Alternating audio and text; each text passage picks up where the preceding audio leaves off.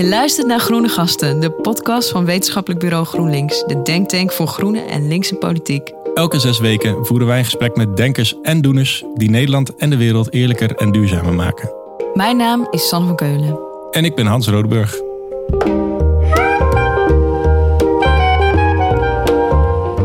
No fucking shit, dacht ik bij mezelf. We hadden blijkbaar een witte man die relatief hoog opgeleid is, die hetero is, ABN spreekt en ik weet niet aan hoeveel vinkjes hij voldoet, maar het zal er sowieso vijf zijn, om ons in te laten zien dat we een probleem hebben rondom discriminatie.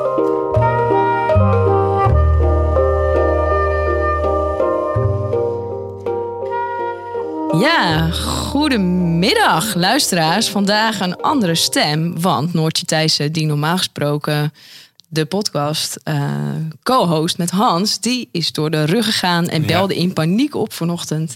En nu um, ja, zit ik hier weer. Hartstikke leuk. Gezellig. Yes. En vandaag gaan we het hebben over een heel spannend onderwerp, uh, namelijk over identiteit. In hoeverre bepaalt onze identiteit hoe ver we komen in het leven en hoe is die verweven met de grote vraagstukken zoals de klimaatcrisis of ongelijkheid. Um, hoe zit dat met politiek, bedrijven ten aanzien van identiteit? Of zorgt een focus op identiteit misschien um, juist voor verdeeldheid? Hans, wat is eigenlijk. Heb jij dan een voorbeeld uh, hoe je misschien voordeel of juist nadeel hebt gehad vanwege jouw identiteit als witte jongeman? Ja, ik heb weer eens over naast te denken inderdaad. Want ik ben een witte hetero man. Dus ik zat na te denken, ja, dan heb ik waarschijnlijk wel voordeel gehad... vanwege mijn identiteit in mijn, in, mijn loopbaan. En toen moest ik denken, ik heb ooit, een sta ik, heb ooit gesolliciteerd voor een stage... En dat was bij een, een, een, sociologische onderzoeksinstelling. En ik had gewoon een directe mail aan de directeur gestuurd. Van hey, ik wil bij jullie stage lopen. Want ze hadden vacatures, maar dat scheen enorm overbelast te zijn. En toen werd ik aangenomen. Toen liep ik later op dat kantoor. En toen kwam de directeur naar mij toe. En die zei, ja, oh, dus jij bent Hans. Ja, dat vond ik zo leuk. Ik kreeg de mail binnen en toen, uh, ja, ik het zelf ook Hans. En ik dacht, hé, hey, die naam hoor je bijna nooit meer. Wat superleuk. Wauw. Ik zat er nu over na te denken dat ik dacht, oh ja, dat, dat, dat zullen andere mensen waarschijnlijk minder snel hebben. Nou, ja. ja, heb ik nog nooit meegemaakt. Nee, nee. dat geloof ik. Ja. Jij dan? Nou, ja, wel. Ja, ik uh, werk wel al zo'n bijna 15 jaar aan energietransitie en klimaat. En um, nou, um, toen was ik heel jong, 15 jaar geleden. En dan ben je een vrouw. En dan uh, zit je in een wereld, toch vooral met witte oudere mannen... die jou willen uitleggen hoe energie uh, werkt. Die denken eigenlijk dat je niks snapt van techniek en van allerlei rekenmodellen. Dus... Um, nou, mensplenen was echt dagelijkse kost. En ik vond wel, ja, dat was wel een ervaring waarin ik het gevoel had, ik moet veel harder mijn best doen om serieus genomen te worden. Dus als je dan ergens binnenliep bij een overleg, dan werd je vaak een beetje aangezien voor de stagiair of degene die koffie haalt. Of, of vooral werd je de hele tijd uitgelegd hoe het allemaal werkt. Ja, ja. ja. Is dat veranderd nu? Ja. In die wereld? Nou, die wereld is ook wel wat diverser geworden. Wel wat. Uh, dat kan echt nog wel een stuk meer. Er is nog heel veel werk te doen. Ja, en ik ben gewoon 15 jaar ouder. Ja, dat scheelt ook wel, ja. ja, dat maakt wel een verschil. Ja. Merk ik. Ja, we gaan het dus hebben over de politieke kant hiervan, van identiteit. Uh, en we hebben twee mensen uitgenodigd die, uh, die ervaring hebben, mee hebben eigenlijk in hun dagelijks werk. Uh, allereerst gast uh, is Amma, Amma Asante. Je bent uh, gemeenteraadslid geweest voor de PvdA, uh, Tweede Kamerlid ook. en je bent nu directeur van de Landelijke Cliëntenraad. Wat doet de Cliëntenraad precies?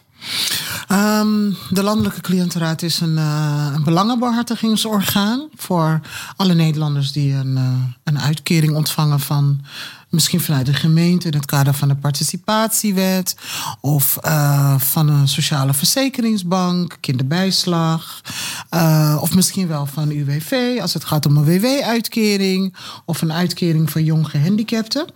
Het gaat in Nederland om ongeveer 7,8 8 miljoen verstrekkingen. Jemig. Dus ja, precies. Hè. Dan uh, schrikken mensen van, oh, wat veel.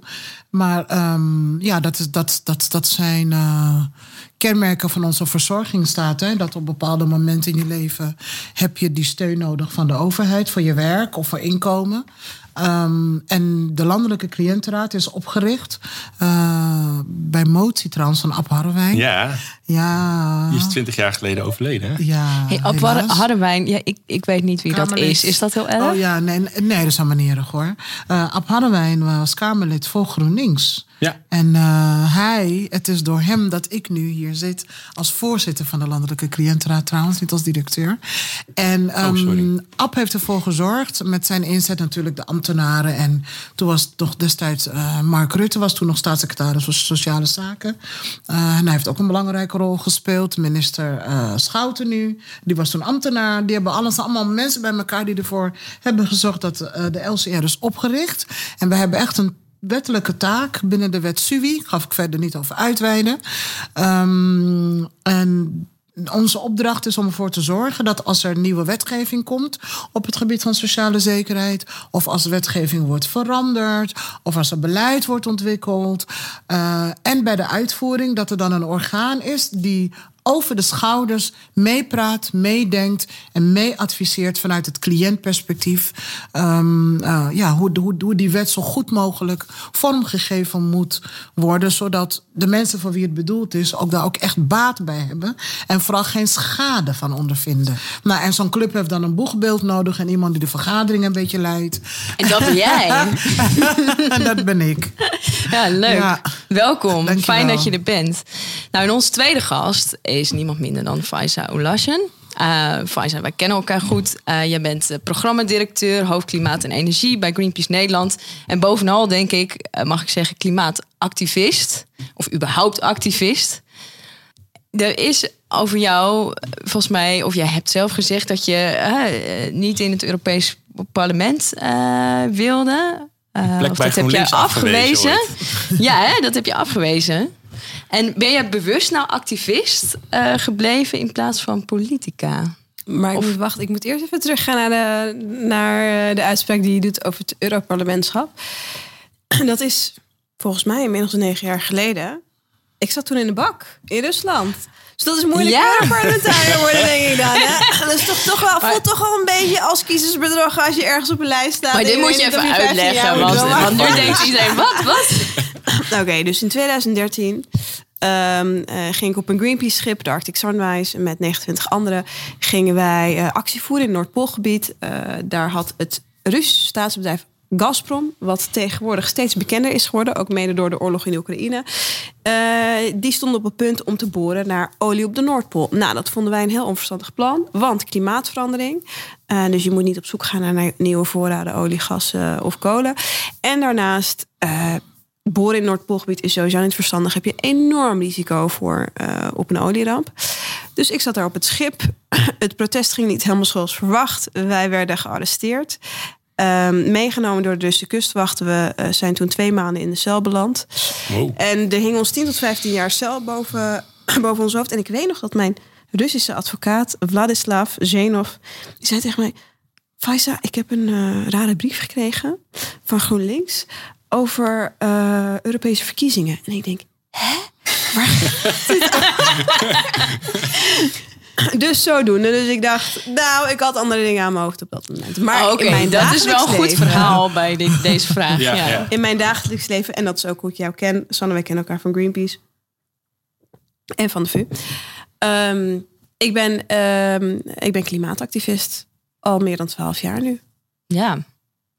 En daar was mijn avontuur op de Noordpool een van de vele dingen die ik heb gedaan. En dat blijf je gewoon doen. Inderdaad. En ook het, denk ik het thema van vandaag, intersectionaliteit, is inherent verbonden aan, uh, aan de strijd tegen de klimaatcrisis. Ah, wat laten we daar gelijk heen gaan. Het onderwerp, intersectionaliteit. Uh, droppen we gelijk een nieuwe term. Kan je uitleggen wat intersectionaliteit is? We hadden het over identiteit. Ik ga een poging wa wagen. Uh, maar ik kijk ook naar Amma en ook jullie beiden om mij aan te vullen. Um, intersectionaliteit um, in het Nederlands, of in het Nederlands vertaald als het kruispunt denken. Um, en uh, nou, misschien even een concreet voorbeeld. Ik ben een vrouw. Um, uh, maar ik ben uh, ook van Marokkaanse afkomst. Dus dat zegt wat over mijn, uh, over mijn etniciteit. Um, ik ben 34, dan weet je wat over mijn leeftijd. Um, mijn ouders hadden het niet breed toen ik opgroeide. Dus dan weet je ook wat over de inkomensklasse waar ik vandaan kom. En dat zijn allemaal verschillende assen. Inkomen, eh, ras, etniciteit, gender. ehm, eh, nou, zo zijn er meer. Waar je woont, waar je, eh, waar je geboren bent, et cetera. En ehm, die dingen moet je niet los van elkaar zien. Die dingen ehm, die acteren met elkaar, die hangen met elkaar samen. En dat bepaalt eh, met welke vormen van onderdrukking ik in het dagelijks leven te maken eh, heb of te maken zal hebben. Net als dat Sanne het voorbeeld gaf van ja, als vrouw kom je ergens binnen en dan denkt de man, oh, ik ga even vertellen hoe, aan deze jonge vrouw hoe de vork in de stil zit. Eh, heb ik dat soort situaties ook helaas. Steeds minder, maar die heb ik ook nog steeds. En anders is het wel omdat ik toen op 15-jarige leeftijd bij, voor een bijbaantje solliciteerde. En mijn achternaam moest spellen. En dat iemand dacht: is dat een Zweedse achternaam? En toen zei ik: Nee, dat is een Marokkaanse achternaam. Dat er een ongemakkelijke stilte viel. En ik nooit meer, nooit meer ben teruggebeld. Oeh. En er is één activiste, eh, Audrey Lorde, die in de jaren tachtig het heel mooi omschreef in het Engels. Want, wij, want wat ik merk is, wij kunnen soms heel, nou daar hebben we het zo meteen ook wel over, eendimensionaal kijken naar problemen, namelijk eh, armoede, eh, klimaat, discriminatie, et cetera.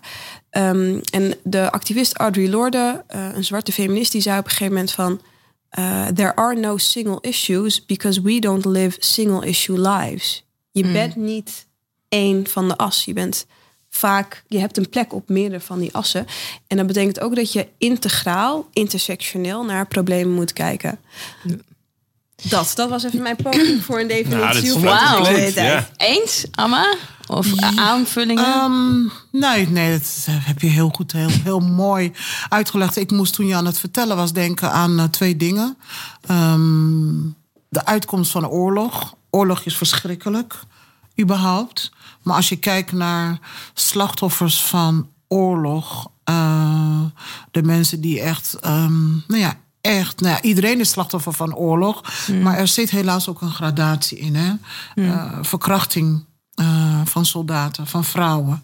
Eh, ja, dat is, weet je, iedereen is slachtoffer van oorlog. Maar je ziet gewoon, er is een reden waarom verkrachtingen plaatsvinden Ja. eh, in oorlog.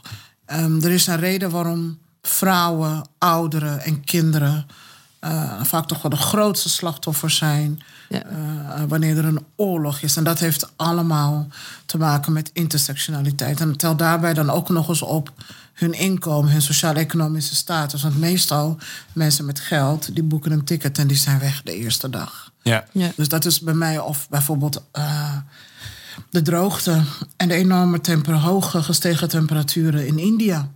Ja. Dat, dat, en, en die arme boeren die eh, daar nu zitten en eh, geen idee hebben. Ja, dus eh, het, wat je eigenlijk zegt is, do- er zijn mensen die door een stapeling van die verschillende identiteiten eigenlijk veel Extra, meer klappen krijgen. precies. Ja, ja, ja. veel meer klappen krijgen. En het is dus belangrijk dat als we het in de politiek hebben over uitsluiting, dat we ons bewust zijn van die gelaagdheid. En die bepalen nam- namelijk ook de mate waaraan je blootgesteld wordt aan onderdrukking en uitsluiting. Ja. Ja. of met andere woorden, vaak mensen, ehm, nou, bijvoorbeeld als je een lager inkomen hebt, een lager opleidingsniveau, eh, niet wit bent, vrouw, et cetera, et cetera, eh, dan is, ben, je- ben je vaak disproportioneel vaker blootgesteld aan de negatieve effecten van de klimaatcrisis, oorlog en ga zo maar verder. Ja.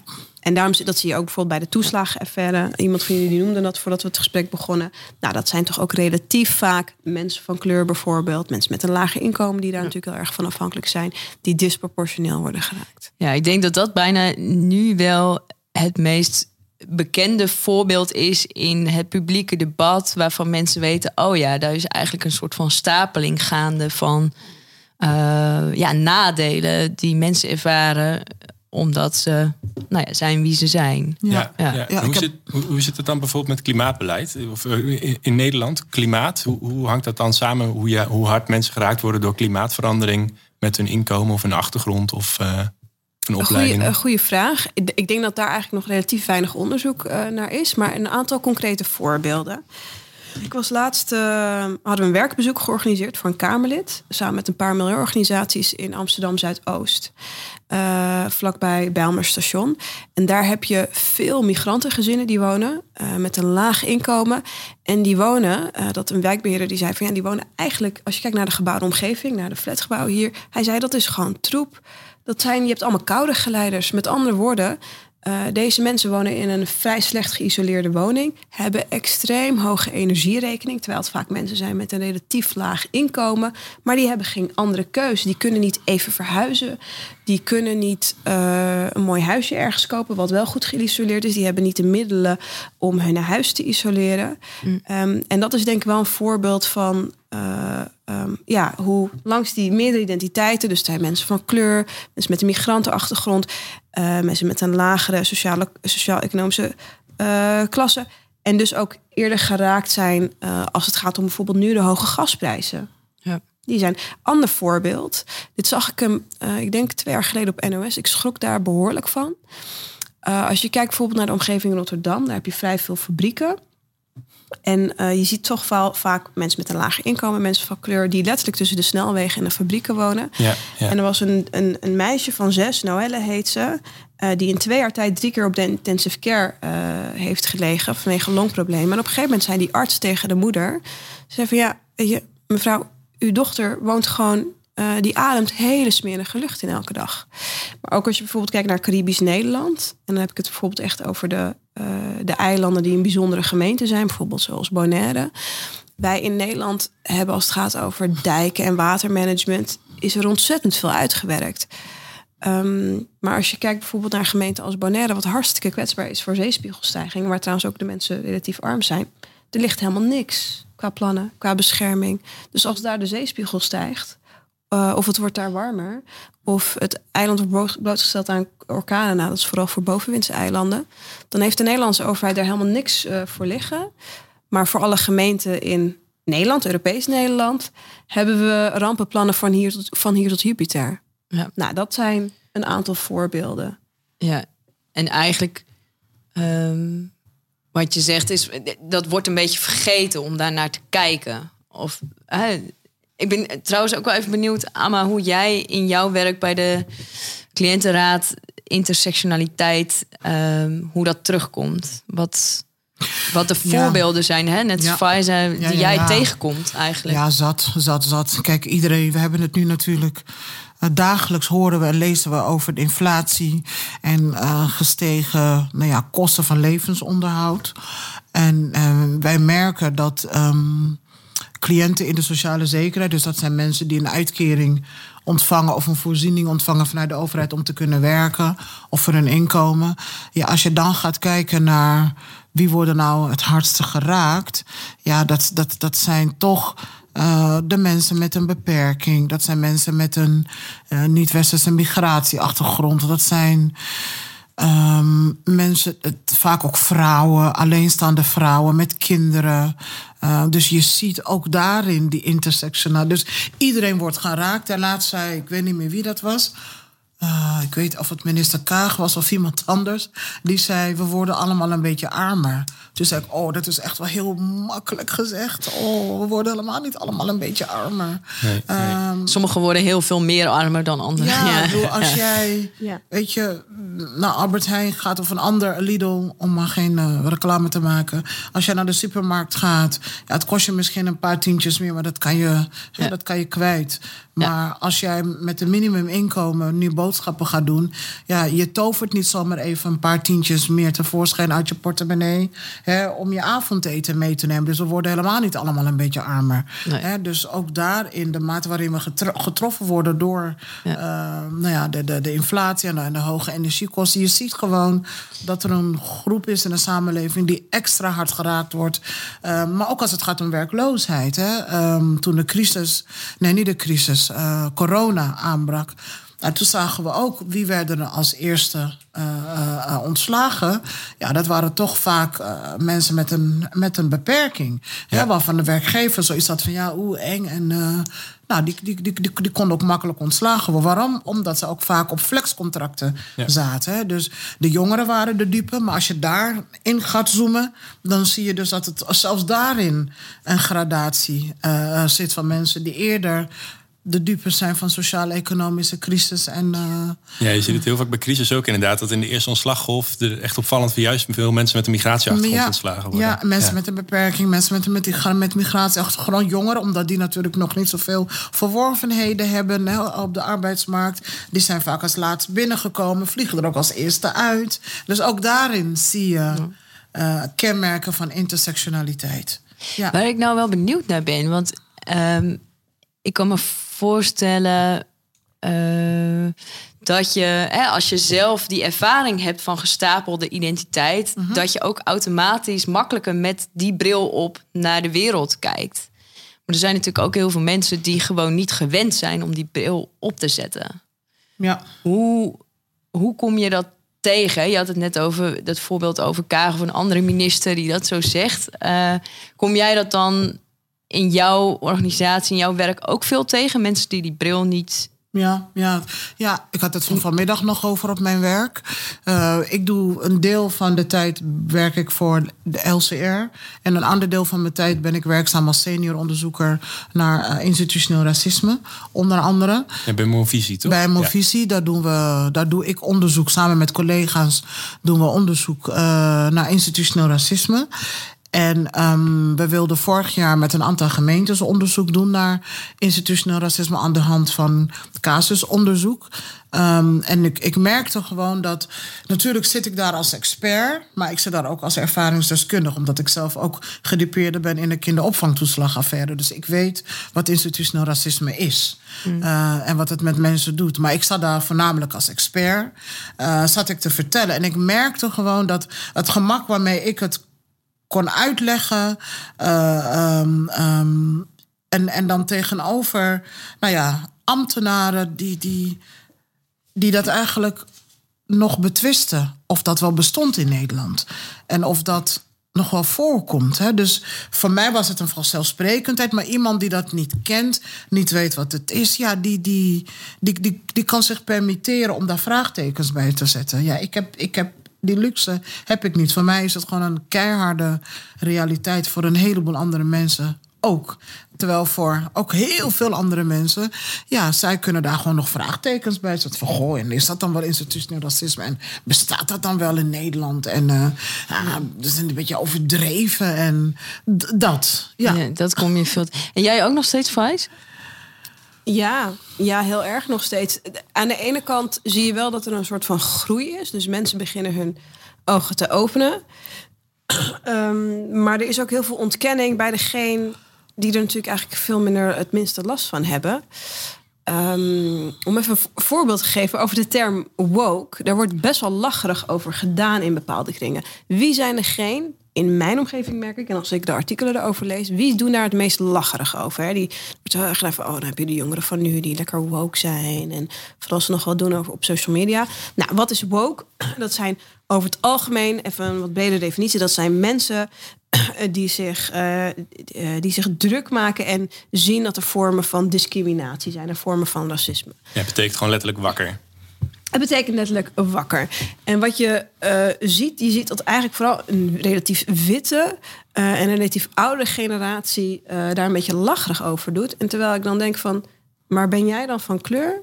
Uh, heb jij daar last van? Uh, ik bedoel, het is allemaal geaccepteerd. We snappen bijvoorbeeld heel goed dat vrouwendiscriminatie bestaat. Dat bijvoorbeeld vrouwen voor hetzelfde werk minder uh, betaald krijgen. Hè? Um, daar zijn we ons heel erg bewust van. Hè? Vrouwenrechten is ook een heel belangrijk onderwerp. Mm. Maar als we allemaal kunnen begrijpen in de samenleving... naar weet ik voor hoeveel jaren strijd voor vrouwenrechten...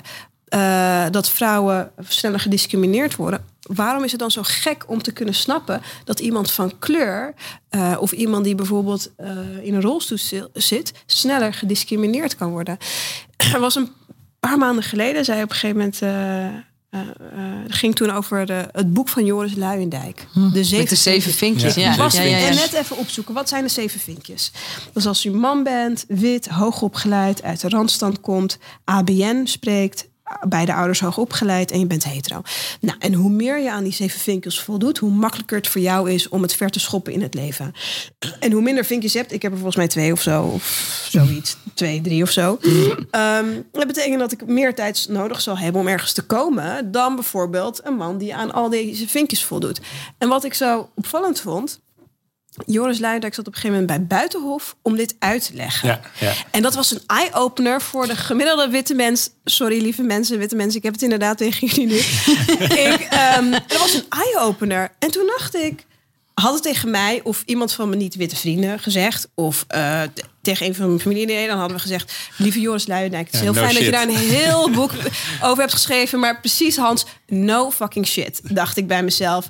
Maar er was heel veel ophef over ontstaan van, oh, de zeven vinkjes. Maar we hadden blijkbaar een witte man die relatief hoog opgeleid is, die hetero is, ABN spreekt, en ik weet niet aan hoeveel vinkjes hij voldoet, maar het zal er sowieso vijf zijn, om ons in te laten zien dat we een probleem hebben rondom discriminatie en racisme en, op, en seksisme en ga zo verder.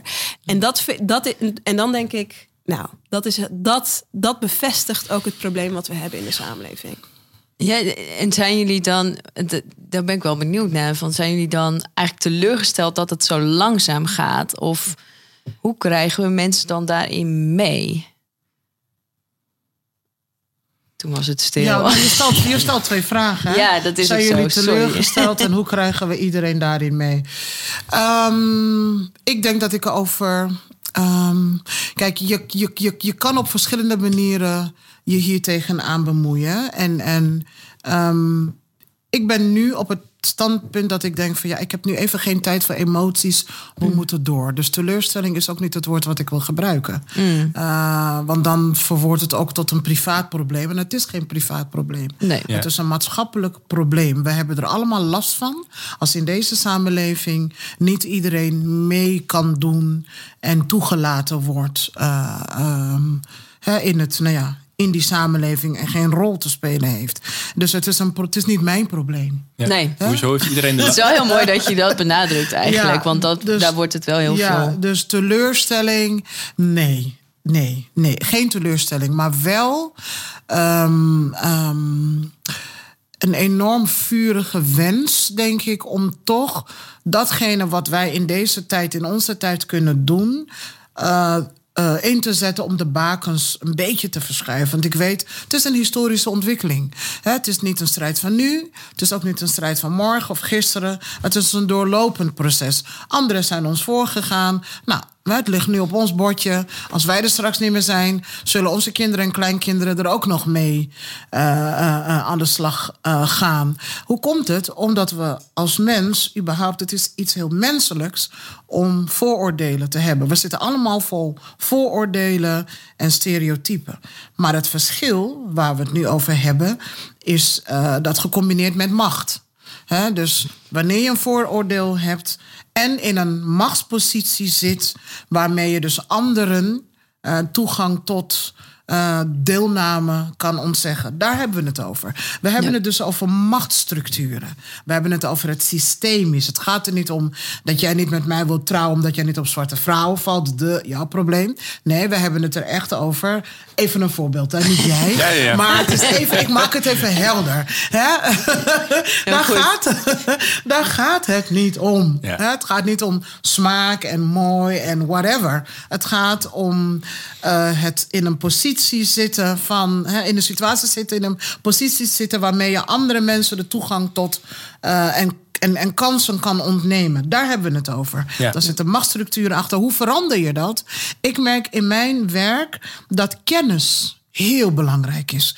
En dan niet zozeer de kennis van er is racisme, oh groot nieuws. Nee, dat weten we allemaal. Nee, de kennis zit hem vooral in hoe manifesteert het zich en wat kan je daaraan doen. En ik merk dat die discussies, die gesprekken heel belangrijk zijn. We zijn ons ervan bewust dat racisme en discriminatie en uitsluiting op verschillende gronden plaatsvindt. Wat we nu nodig hebben als samenleving zijn de handvaten om er ook daadwerkelijk iets aan te doen. Wanneer je het hebt over institutioneel racisme, dan heb je dus niet over het interpersoonlijke uitsluiting, dan heb je het over systemische uitsluiting. Dan gaat het over regels, processen, uh, structuren, uh, die op papier staan of die onderdeel zijn van een cultuur. Ik denk dat dat, allemaal, je verwoordt het echt zo mooi. dat is denk ik de kern. En ik, ik, ik deel trouwens ook hetzelfde. Ik voel geen teleurstelling. Ik, bedoel, ik, ik, ik, ik loop al 34 jaar op deze aarde en het is een gegeven. Het vormt je ook. Hè? Dus ik, het heeft me ook gesterkt. Je bent erop ingesteld. Precies, ik ben erop ingesteld. En um, ja, ik probeer ook wel iets positiefs te halen uit al die negativiteit. Precies. Ik denk wat je zegt, Amma, het, het, het, is niet nieuw dat er racisme is of vormen van uitsluiting of discriminatie. Maar hoe het zich manifesteert, en ik denk dat dat de discussie is die zich heeft ontwikkeld de afgelopen twee, drie jaar in toenemende mate. En ik denk ook eigenlijk ook vooral nadat George Floyd in de VS is, uh, is vermoord, is er een golf van protest wereldwijd ontstaan, heel indrukwekkend tijdens de pandemie. Hmm. Um, en dat heeft denk ik bij heel veel mensen de ogen geopend. En ik denk dat als heel veel mensen zichzelf ook die ruimte gunnen uh, om, om hun ogen te openen en gewoon open te staan van oké, hoe kan het zich manifesteren? Mm. Op bepaalde manieren die ik misschien, waar ik gewoon geen weet van af heb. Hè? Mm. Want wat ik soms merk, is um, alsof mensen een soort van intellectueel hoogpunt he hebben bereikt. In de jaren 60 en 70, toen zij studenten waren. En dat dat de verlichting was en er daarna geen ontwikkeling meer is. En dan denk ik, ja, maar weet je. Um, uh, wat toen heel erg progressief was en vooruitstrevend, is misschien anno 2022 best conservatief. Dus ik zou zeggen, gun jezelf ook die ruimte om je blik te openen Mm. naar, naar het hoe het zich manifesteert. Ja, ja. Ik, ik weet nog toen ik een vriendin van mij, echt een hele goede uh, vriendin met wie ik al nou ja, jarenlang was. We waren samen studenten. We komen dus echt van ver. En we waren aan het wandelen tijdens corona in het Amsterdamse bos. En ik vertelde eigenlijk en passant, vertelde ik dat ik gedupeerde was in de kinderopvangtoeslagaffaire. En zij was zo verbaasd. En ik was weer verbaasd over haar verbazing. ik dacht, ja, maar waarom ben jij zo verbaasd? Ik bedoel, ik ben zwart. Ik, ik, ik, ik ben in Ghana geboren. Um, ja, dus je voldoet aan een. Ik voldoet aan een, een hele hoop identiteiten. Hele, die, ja. ja. en ik, ik, betaal ook nog eens uh, mijn tiende aan een kerk, aan een religieuze instelling. Nou, dat wordt ook allemaal, werd ook allemaal meegenomen. Maar ik was heel erg verbaasd over haar verbazing. Maar dat was wel het moment waarop zij zich bewust werd van institutioneel. Want ze zei, wat ze zei was van, hé, jij? Maar jij en ik, hoezo? We zijn samen opgegroeid. We hebben nu allebei kinderen. Mijn kinderen gingen naar de opvang, jouw kinderen ook. Waarom ik niet en jij wel? Ja, ik ja. zeg, nou, jij heet. Nou, ik ga haar naam niet noemen, maar jij heet bij wijze van spreken Marietje. aan, aan Marietje. Hè, maar Marietje, Marieke Pe Peters, zo heet ze niet. En, Sorry, Marieke Peters. Sorry, Marieke Peters. Hè, jij bent uh, geboren in Beeldhoven. Uh, jouw vader heet Jan en jouw moeder heet uh, Anna. Hè? Of Anneke. En ja, ik ben Amma Asante, geboren in Kumasi. Hè? En nou ja, dat, daarom. Ja. Dat is de reden waarom ik wel eruit ben gepikt en jij niet. Dat nog even, we hebben het natuurlijk, jij zei het heel mooi en het was voor mij ook wel weer een eye-opener dat ik het heel individueel maakte, maar het gaat natuurlijk over die machtsstructuren en we zitten hier bij het wetenschappelijk bureau GroenLinks. Is identiteit, moet dat eigenlijk altijd terugkomen in de politiek, in alle issues? Speelt het bij alle issues uh, een rol? Um, zullen, zullen we die omdraaien? Ja, is ja? Er, nee, is er een plek waar dat niet het geval is? Kunnen wij iets reduceren tot één as? Goeie vraag. Hmm. Nou, ik zat in voorbereiding op, de, op deze podcast. Ik bijvoorbeeld flauw grappend te, had ik het over. Ja, bijvoorbeeld een, uh, uh, een wethouder uh, in Renkum. Die is bezig met um, duurzaamheidsbeleid. En die is bezig met geveltuintjes. Hoe ga je dat door een intersectionele bril bekijken? Mag ik een ander voorbeeld noemen? Ja, natuurlijk. Ik, ik wil een ander. Nu ja, die, die geveltuintjes doet mij denken aan de, aan de keukentafelgesprekken. In, ja. de, in de jeugdzorg. Oh, mijn hemel. We hadden dus op een gegeven moment hadden we bedacht eh, dat we keukentafelgesprekken zouden gaan voeren met, eh, met, hè, met gezinnen eh, die jeugdzorgproblemen hadden. En toen dacht ik van, wie heeft dat in hemelsnaam bedacht? Omdat wie zit er aan een keukentafel? Wie heeft überhaupt een woonkamer groot genoeg voor een keukentafel? Ja. Ja. Ja. Dus dat is kennelijk een beleidsmaker of iemand die heeft gekeken naar zijn eigen situatie en dacht van nou. Aan de houten keukentafel met een mooi bosje bloemen in het midden en wat chique tijdschriften en wat kaarsen. Zes mensen eromheen gaan zitten. Schrijven we aan en gaan we keukentafelgesprekken voeren. Ja. Dus dat is echt gewoon zo'n gebrek aan sensitiviteit en aan intersectioneel denken. Want hè, zo'n geveltuintje, überhaupt al zou ik denken van... Goh, wie, wie in mijn gemeente als wethouder, überhaupt als ik intersectioneel zou nadenken... zou ik denken, wie heeft er überhaupt gewoon überhaupt een tuin? En een geveltuin.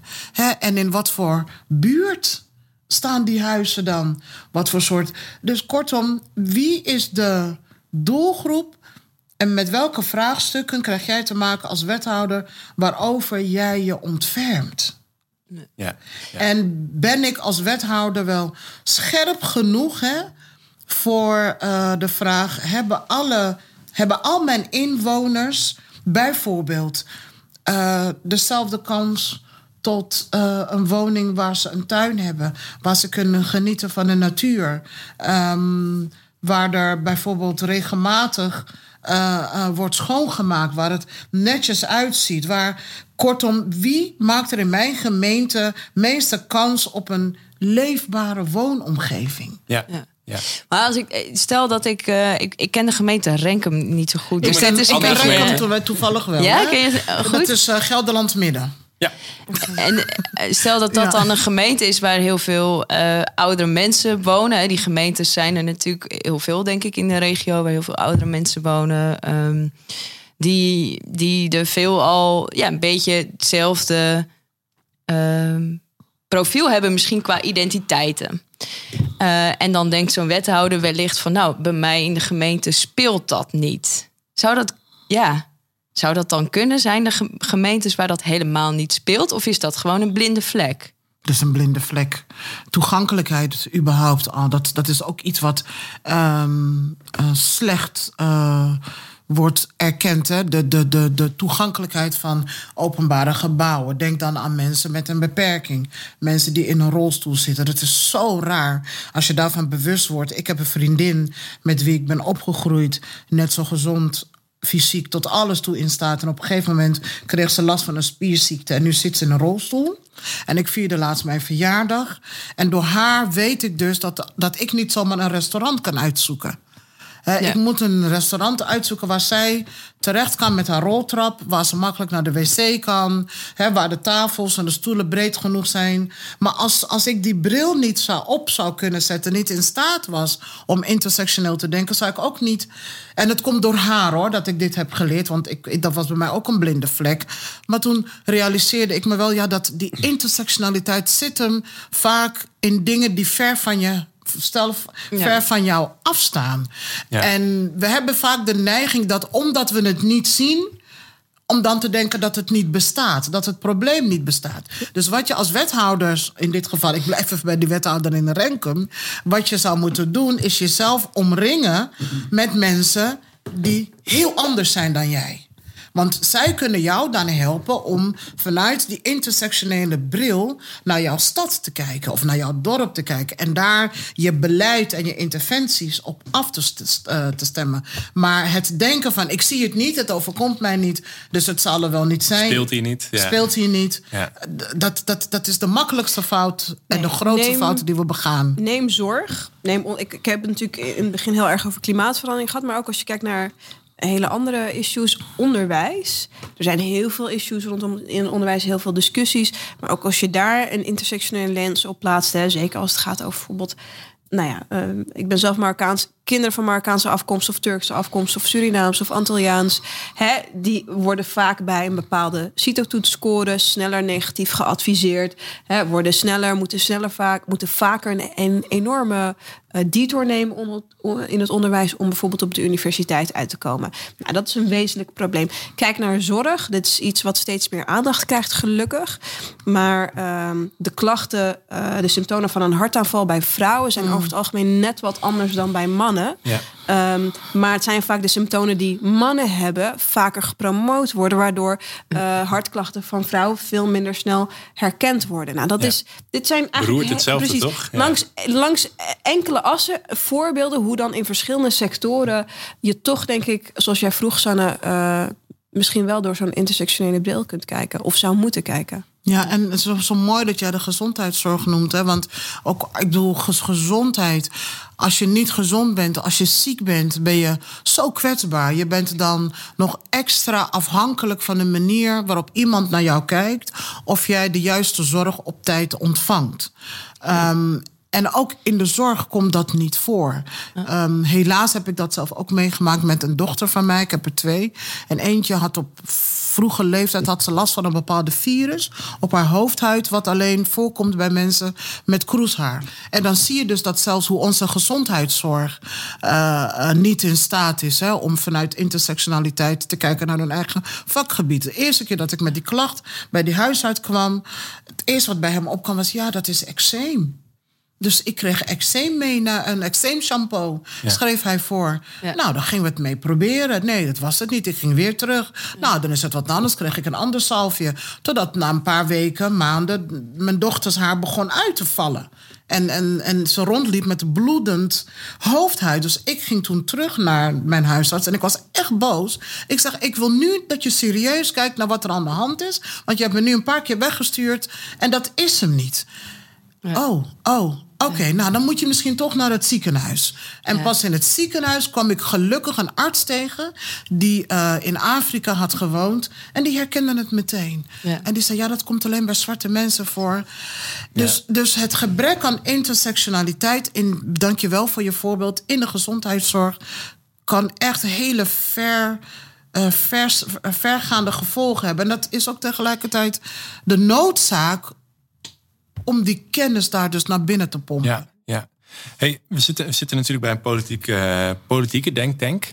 uh, die intersectionele bril is dus heel belangrijk om, om op te hebben en je te beseffen dat dit bestaat. Je hebt wel heel veel mensen die, of eh, tenminste, uh, een bekend iemand die dat zegt is bijvoorbeeld Renske Leijt of Ewald Engelen. Dat is een mm -hmm. uh, hoogleraar die zeggen van ja, het is belangrijk, maar je moet het als politieke partij niet te veel benoemen de hele tijd. Dat, ja. dat al die verschillende identiteiten belangrijk zijn, want wat je dan doet, je speelt mensen uit elkaar. Hoe kijken oh. jullie naar dat soort uitspraken? Bijvoorbeeld als je het over woonbeleid hebt, dan herkennen mensen, sommige mensen zich daar niet in. Ja, nou, ja. Wil jij eerst? Waar moeten we? Ja, jullie, jullie kijken allebei zo van, waar moet ik beginnen? Ik zie jullie alle twee zo achterover leunen. Rollen met hun ogen. en um, nou, ik begin even met de vraag. De twee mensen die dit hebben gezegd zijn volgens mij allebei wit. Oké. Okay. Ja, dat klopt. Nee, um, nou ja, kijk, ik denk hier... Um, als je er denk ik in mindere mate mee geconfronteerd bent, dan is het denk ik heel makkelijk om zo'n conclusie te trekken. Maar door zo'n uitspraak te doen, en ik geloof best dat het met de beste intenties is gedaan. Maar ik denk, zoals jij ook uh, benoemde, allemaal, of misschien zoals jij het zei, uh, Sanne, het getuigt ook van een enorme blinde vlek. Want ik denk dat de voorbeelden die we denk ik ook gaven, hè, bijvoorbeeld rondom de gezondheidszorg, ja, je moet soms langs de, uh, de as van identiteit kijken of de, langs de as van, uh, sorry, bijvoorbeeld gender, omdat vrouwen toch op sommige fronten andere vormen van zorg nodig hebben. En als je dat niet op tijd herkent, dan kan het gewoon levensgevaarlijk zijn. Dus, hè, dus of het nou gaat over gezondheidszorg, onderwijs of de klimaatcrisis, door te zeggen, laten we ons niet te veel aantrekken van identiteit, omdat het maar ongemakkelijk is.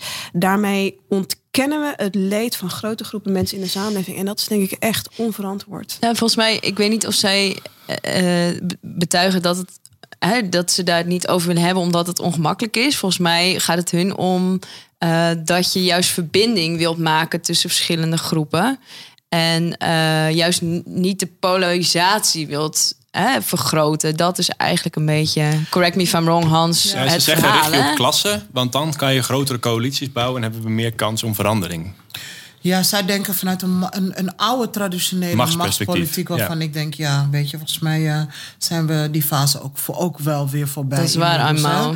Eh, eh, zij denken, denk ik hoor, want ik volg Ewald Engel en zijn bijdrage ook in de discussie ook. Het gaat hen echt om de vraag, hoe wordt links weer zo snel, zo groot mogelijk? Hè? En dan is het electoraal ingegeven. Ja. Het, het is gewoon 1 plus 1 is 2.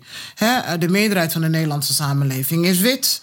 Eh, het electoraal is grotendeels wit. Dit zijn thema's die, eh, ja, die, die, die een minderheid aangaat. Denkt men, hè? maar dat is men. ook een fout, denkt men.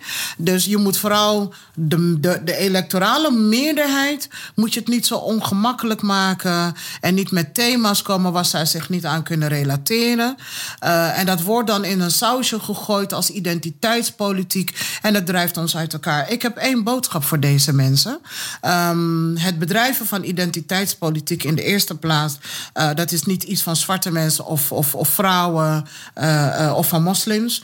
Ide- identiteitspolitiek wordt in Nederland al decennia bedreven. Hè? Alleen waren het de witte mannen die het bedreven. Hè? Als we het hebben over de, de, de gewone man.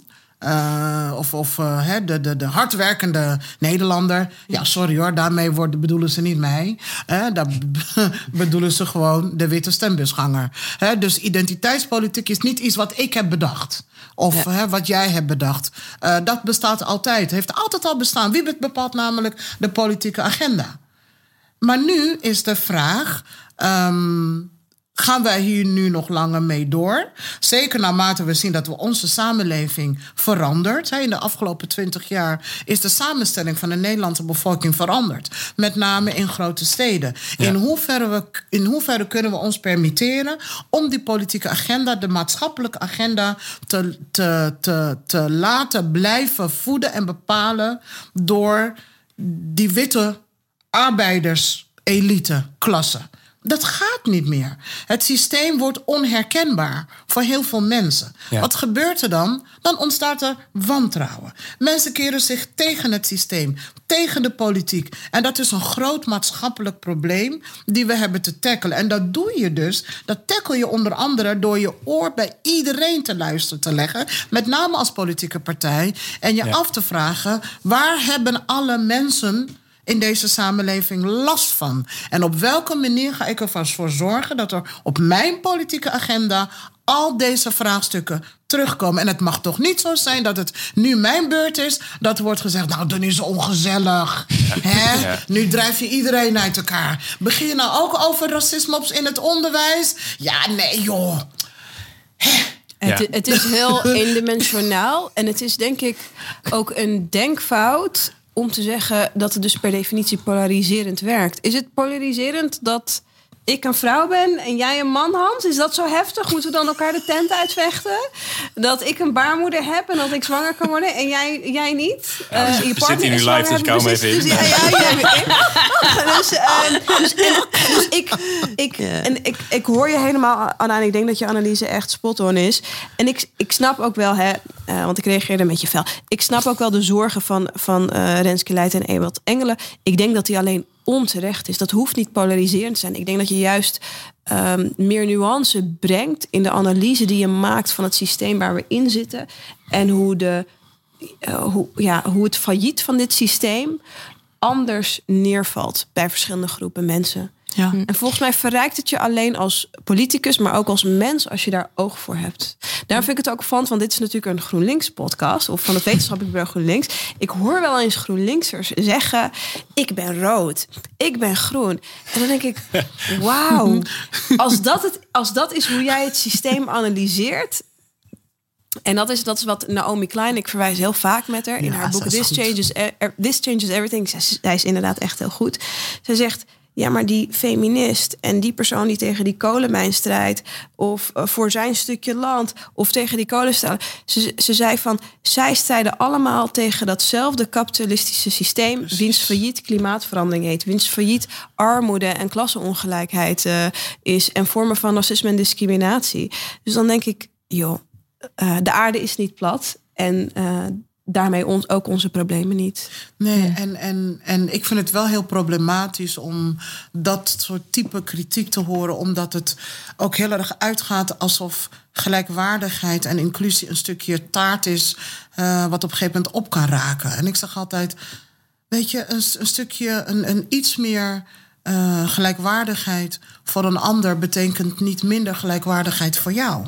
Hè? En uit onderzoek weten we dus ook dat um, uh, als we daar als samenleving in slagen om bijvoorbeeld, ik noem de homo-gemeenschap, hè, hun, um, het feit dat hun emancipatieproces uh, uh, eerder is begonnen dan het emancipatieproces van zwarte mensen in dit land, uh, heeft mij heel veel goeds gedaan. Want we weten gewoon dat we daardoor het makkelijker voor elkaar krijgen om uh, vraagstukken van andere benadeelde groepen op de agenda te krijgen. Dus ja, we weten hoe beter het, het, gaat met de ene groep, we weten hoe het moet. Ja. Weet je, gelijkwa- uh, je inzetten voor gelijkwaardigheid is niet een stukje taart die je moet verdelen. Het is uh, eigenlijk zeg ik altijd, inclusie en gelijkwaardigheid is te vergelijken met zuurstof. Iedereen heeft het nodig om te kunnen leven. En een beetje meer zuurstof voor mij betekent niet minder zuurstof voor jou. Nee, nee. Dus Mooi. die, die, die angst is geheel. Wat eronder zit, is geheel onterecht. En dat is wat we moeten blijven vertellen. Hè, waarmee het onderbuik, de onderbuikgevoelens ook misschien ook wel getemperd kunnen worden. Want dat komt vanuit een soort onderbuik. Zo van ja, maar dan krijg ik geen aandacht. Krijgen mijn vraagstukken geen Kom ik aandacht. nog wel Ja, ja, als Kom je ik ge- nog wel aan bod. Ja. gewend bent, hè, dat zeggen ze natuurlijk ook zo, in zo'n, eh, van als je gewend bent aan privilege, voelt gelijkheid als onderdrukking. Ken jij die? Die zag ik laatst ergens op zo'n, eh, ik denk op Insta of zo. Toen dacht ik, oh ja, voor, voor heel veel mensen is dat een beetje hun beeld. Terwijl dat, wat jij zegt, een ongegronde angst is. Het is een ongegronde angst. We worden er allemaal uh, een stukje beter van. En met name, zeker nu in een vraagstuk waar we zitten vertrouwen van burger versus de overheid. We moeten echt met die agenda van intersectionaliteit aan de slag. Um, ik denk dat het een deel van de oplossing is om het verloren, nou ja, het kapotte, beschadigde vertrouwen terug te winnen. Ja. Ja, zeker. Wij moeten gaan afronden, Hans. Ja, ja. We lopen alweer tegen het einde. Jammer, vind ik. Ja, nee, maar we hebben, we hebben wel nog één uitsmijter. En die doen we eigenlijk altijd in deze podcast. En ehm, ja, weinig is natuurlijk zeker in het leven. Maar wel dat GroenLinks ooit in een regering komt, lijkt mij. Ehm, dus de vraag aan jullie beiden, en ik begin bij jou, Faiza. Stel, jij wordt gevraagd als klimaatminister, of nou ja, misschien wil je wel een andere ministerspost. Welke drie maatregelen ga jij nemen in de eerste 100 dagen als het gaat om dit onderwerp? Wauw. Het idee alleen dat ik klimaatminister zou worden, dat is heel erg goed. Nee, en, nee, staat genoteerd. de rest doet er niet toe. Nee. Ehm, nou, drie dingen. Ehm anderhalve graad, daar moeten we onder blijven. En als, dat, als ons dat niet lukt als mensheid, dan is, het, is dat eigenlijk intrinsiek discrimina discriminatoire, zei een keertje een collega tegen mij. En toen dacht ik, dat heb je heel mooi gezegd. Nu in uh, New Delhi, daar verwees je al naar Amma, lijden mensen nu al onder uh, klimaatverandering meer dan in, in andere uh, plekken op de wereld.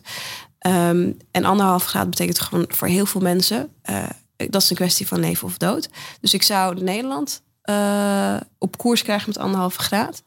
En ik zou, uh, dat is het eerste. Als tweede zou ik een actieplan hebben rondom isolatie. Dat raakt met name mensen met lage inkomens. Mensen die gewoon in kwalitatief slechte woningen zitten. Uh, om dat eigenlijk zo snel mogelijk te isoleren. En iets wat we toch heel vaak vergeten... is Caribisch Nederland. Ik zou met name voor de BES-eilanden zou ik echt als een malle kijken hoe we daar in hemelsnaam voor kunnen zorgen dat we de mensen uh, daar kunnen beschermen tegen de gevolgen van klimaatverandering. Um, uh, want die mensen hebben gewoon echt niet de, de middelen, uh, nog de headspace, want die zijn elke dag bezig met overleven om zich, om zich daartegen te beschermen. Dat Ja. zijn denk ik de dingen die ik zou doen. Volgens mij hadden we je net zo goed tien kunnen vragen. Vrij makkelijk. Ja, Amma, wat is jouw... eh, welke ministerspost zou je willen dan? Oh man, ik zou er zoveel willen. Sociale zaken, Gewoon eh, premier, onderwijs, meteen. binnenlandse zaken, justitie en veiligheid. Ja, misschien moet ik maar gewoon premier worden. Maar eh, waar ik op dit moment heel erg eh, mee bezig ben, is het vraagstuk rondom ehm, de democratische rechtsstaat en de werking en het functioneren van de democratische rechtsstaat. Ehm, dat gaat me echt ja, na aan het hart, omdat dat ook iets is, een verworvenheid is van onze samenleving waar ik super trots op ben. Ehm, dus ik zou eigenlijk om te beginnen als premier, eh, zou ik eh, de overheid grondig, echt, maar ook dan ook echt grondig gaan hervormen. En daarmee bedoel ik dus, ik zou eh, alle departementen eh, zou ik onder de loep nemen met de vraag eh, op welke manier werkt, werken onze beleidsprocessen, structuren, onze cultuur, uitsluiting in de hand. Ik wil het weten. Waar zit het? Dus ik zou bij mezelf beginnen, dicht bij mezelf beginnen. En ik zou het doorlichten. Ik zou het onderwerpen, laten onderwerpen aan een, een, een onderwerp aan een onderzoek. En ik zou maatregelen invoeren. Dat is één. Twee, ik zou werken aan bestaanszekerheid. Ehm, het minimuminkomen moet gewoon echt omhoog. Eh, Minima in Nederland, mensen die werken, maar ook mensen die een uitkering ontvangen, eh, hebben bijna niks om van te leven. Ja. En dat kunnen we. Dat, ik schaam me kapot daarvoor in zo'n rijk land. Dus ik zou echt gaan werken aan bestaanszekerheid. En ook de hervorming van onze sociale zekerheidswetgeving, die in de afgelopen decennia echt enorm is uitgehold. Ik zou alle bezuinigingen van afgelopen tien jaar zou ik in één keer terugdraaien. De vraag die je dan krijgt is wie gaat dat betalen? Vermogensbelasting. Ik zou, Heer, ik. Yes. ik, zou, ik zou de vermogensbelasting zou ik gaan aanpakken. Een heel concreet voorbeeld. Waarom eh, eh, moet iemand hypotheekrente, iemand met een huis van 2 miljoen hypotheekrente aftrek hebben? Waarom in hemelsnaam? Dus dat soort, dat soort eigenlijk belachelijke voorzieningen voor rijken, mensen die heel rijk zijn, ja, Ja. die zou ik terugdraaien. Ja. En dan word, maak ik me niet populair, dus ik word vast ook geen premier van Nederland. maar als die kans zich voordoet, dan zijn dat wel de dingen waar ik aan denk. Ja. Ja. Nou, hebben we een mooi maatregelenpakket Work hier op tafel, Ja, toch? zeker, zeker. Zijn we aan het einde van de podcast. Luisteraars, jullie bedankt voor het luisteren. Ehm, vond je En- dit nou een hele leuke podcast? Oh, en natuurlijk onze gasten. Ja, Ja, bedankt. precies, jullie ook Super fijn dat jullie hier waren. Ja, en mocht je dit nou een hele leuke podcast vinden, geef ons sterretjes. Eh, vond je het minder of heb je een idee voor een volgend onderwerp, stuur ons een mail. Ehm, en mocht je meer willen weten over dit onderwerp of andere onderwerpen eh, rond politiek, eh, abonneer je op ons tijdschrift, bekijk onze website. ehm, en je hoort ons later, over zes weken denk ik. gl.nl. wbgl.nl. Yes. Tot de volgende. Doei doei.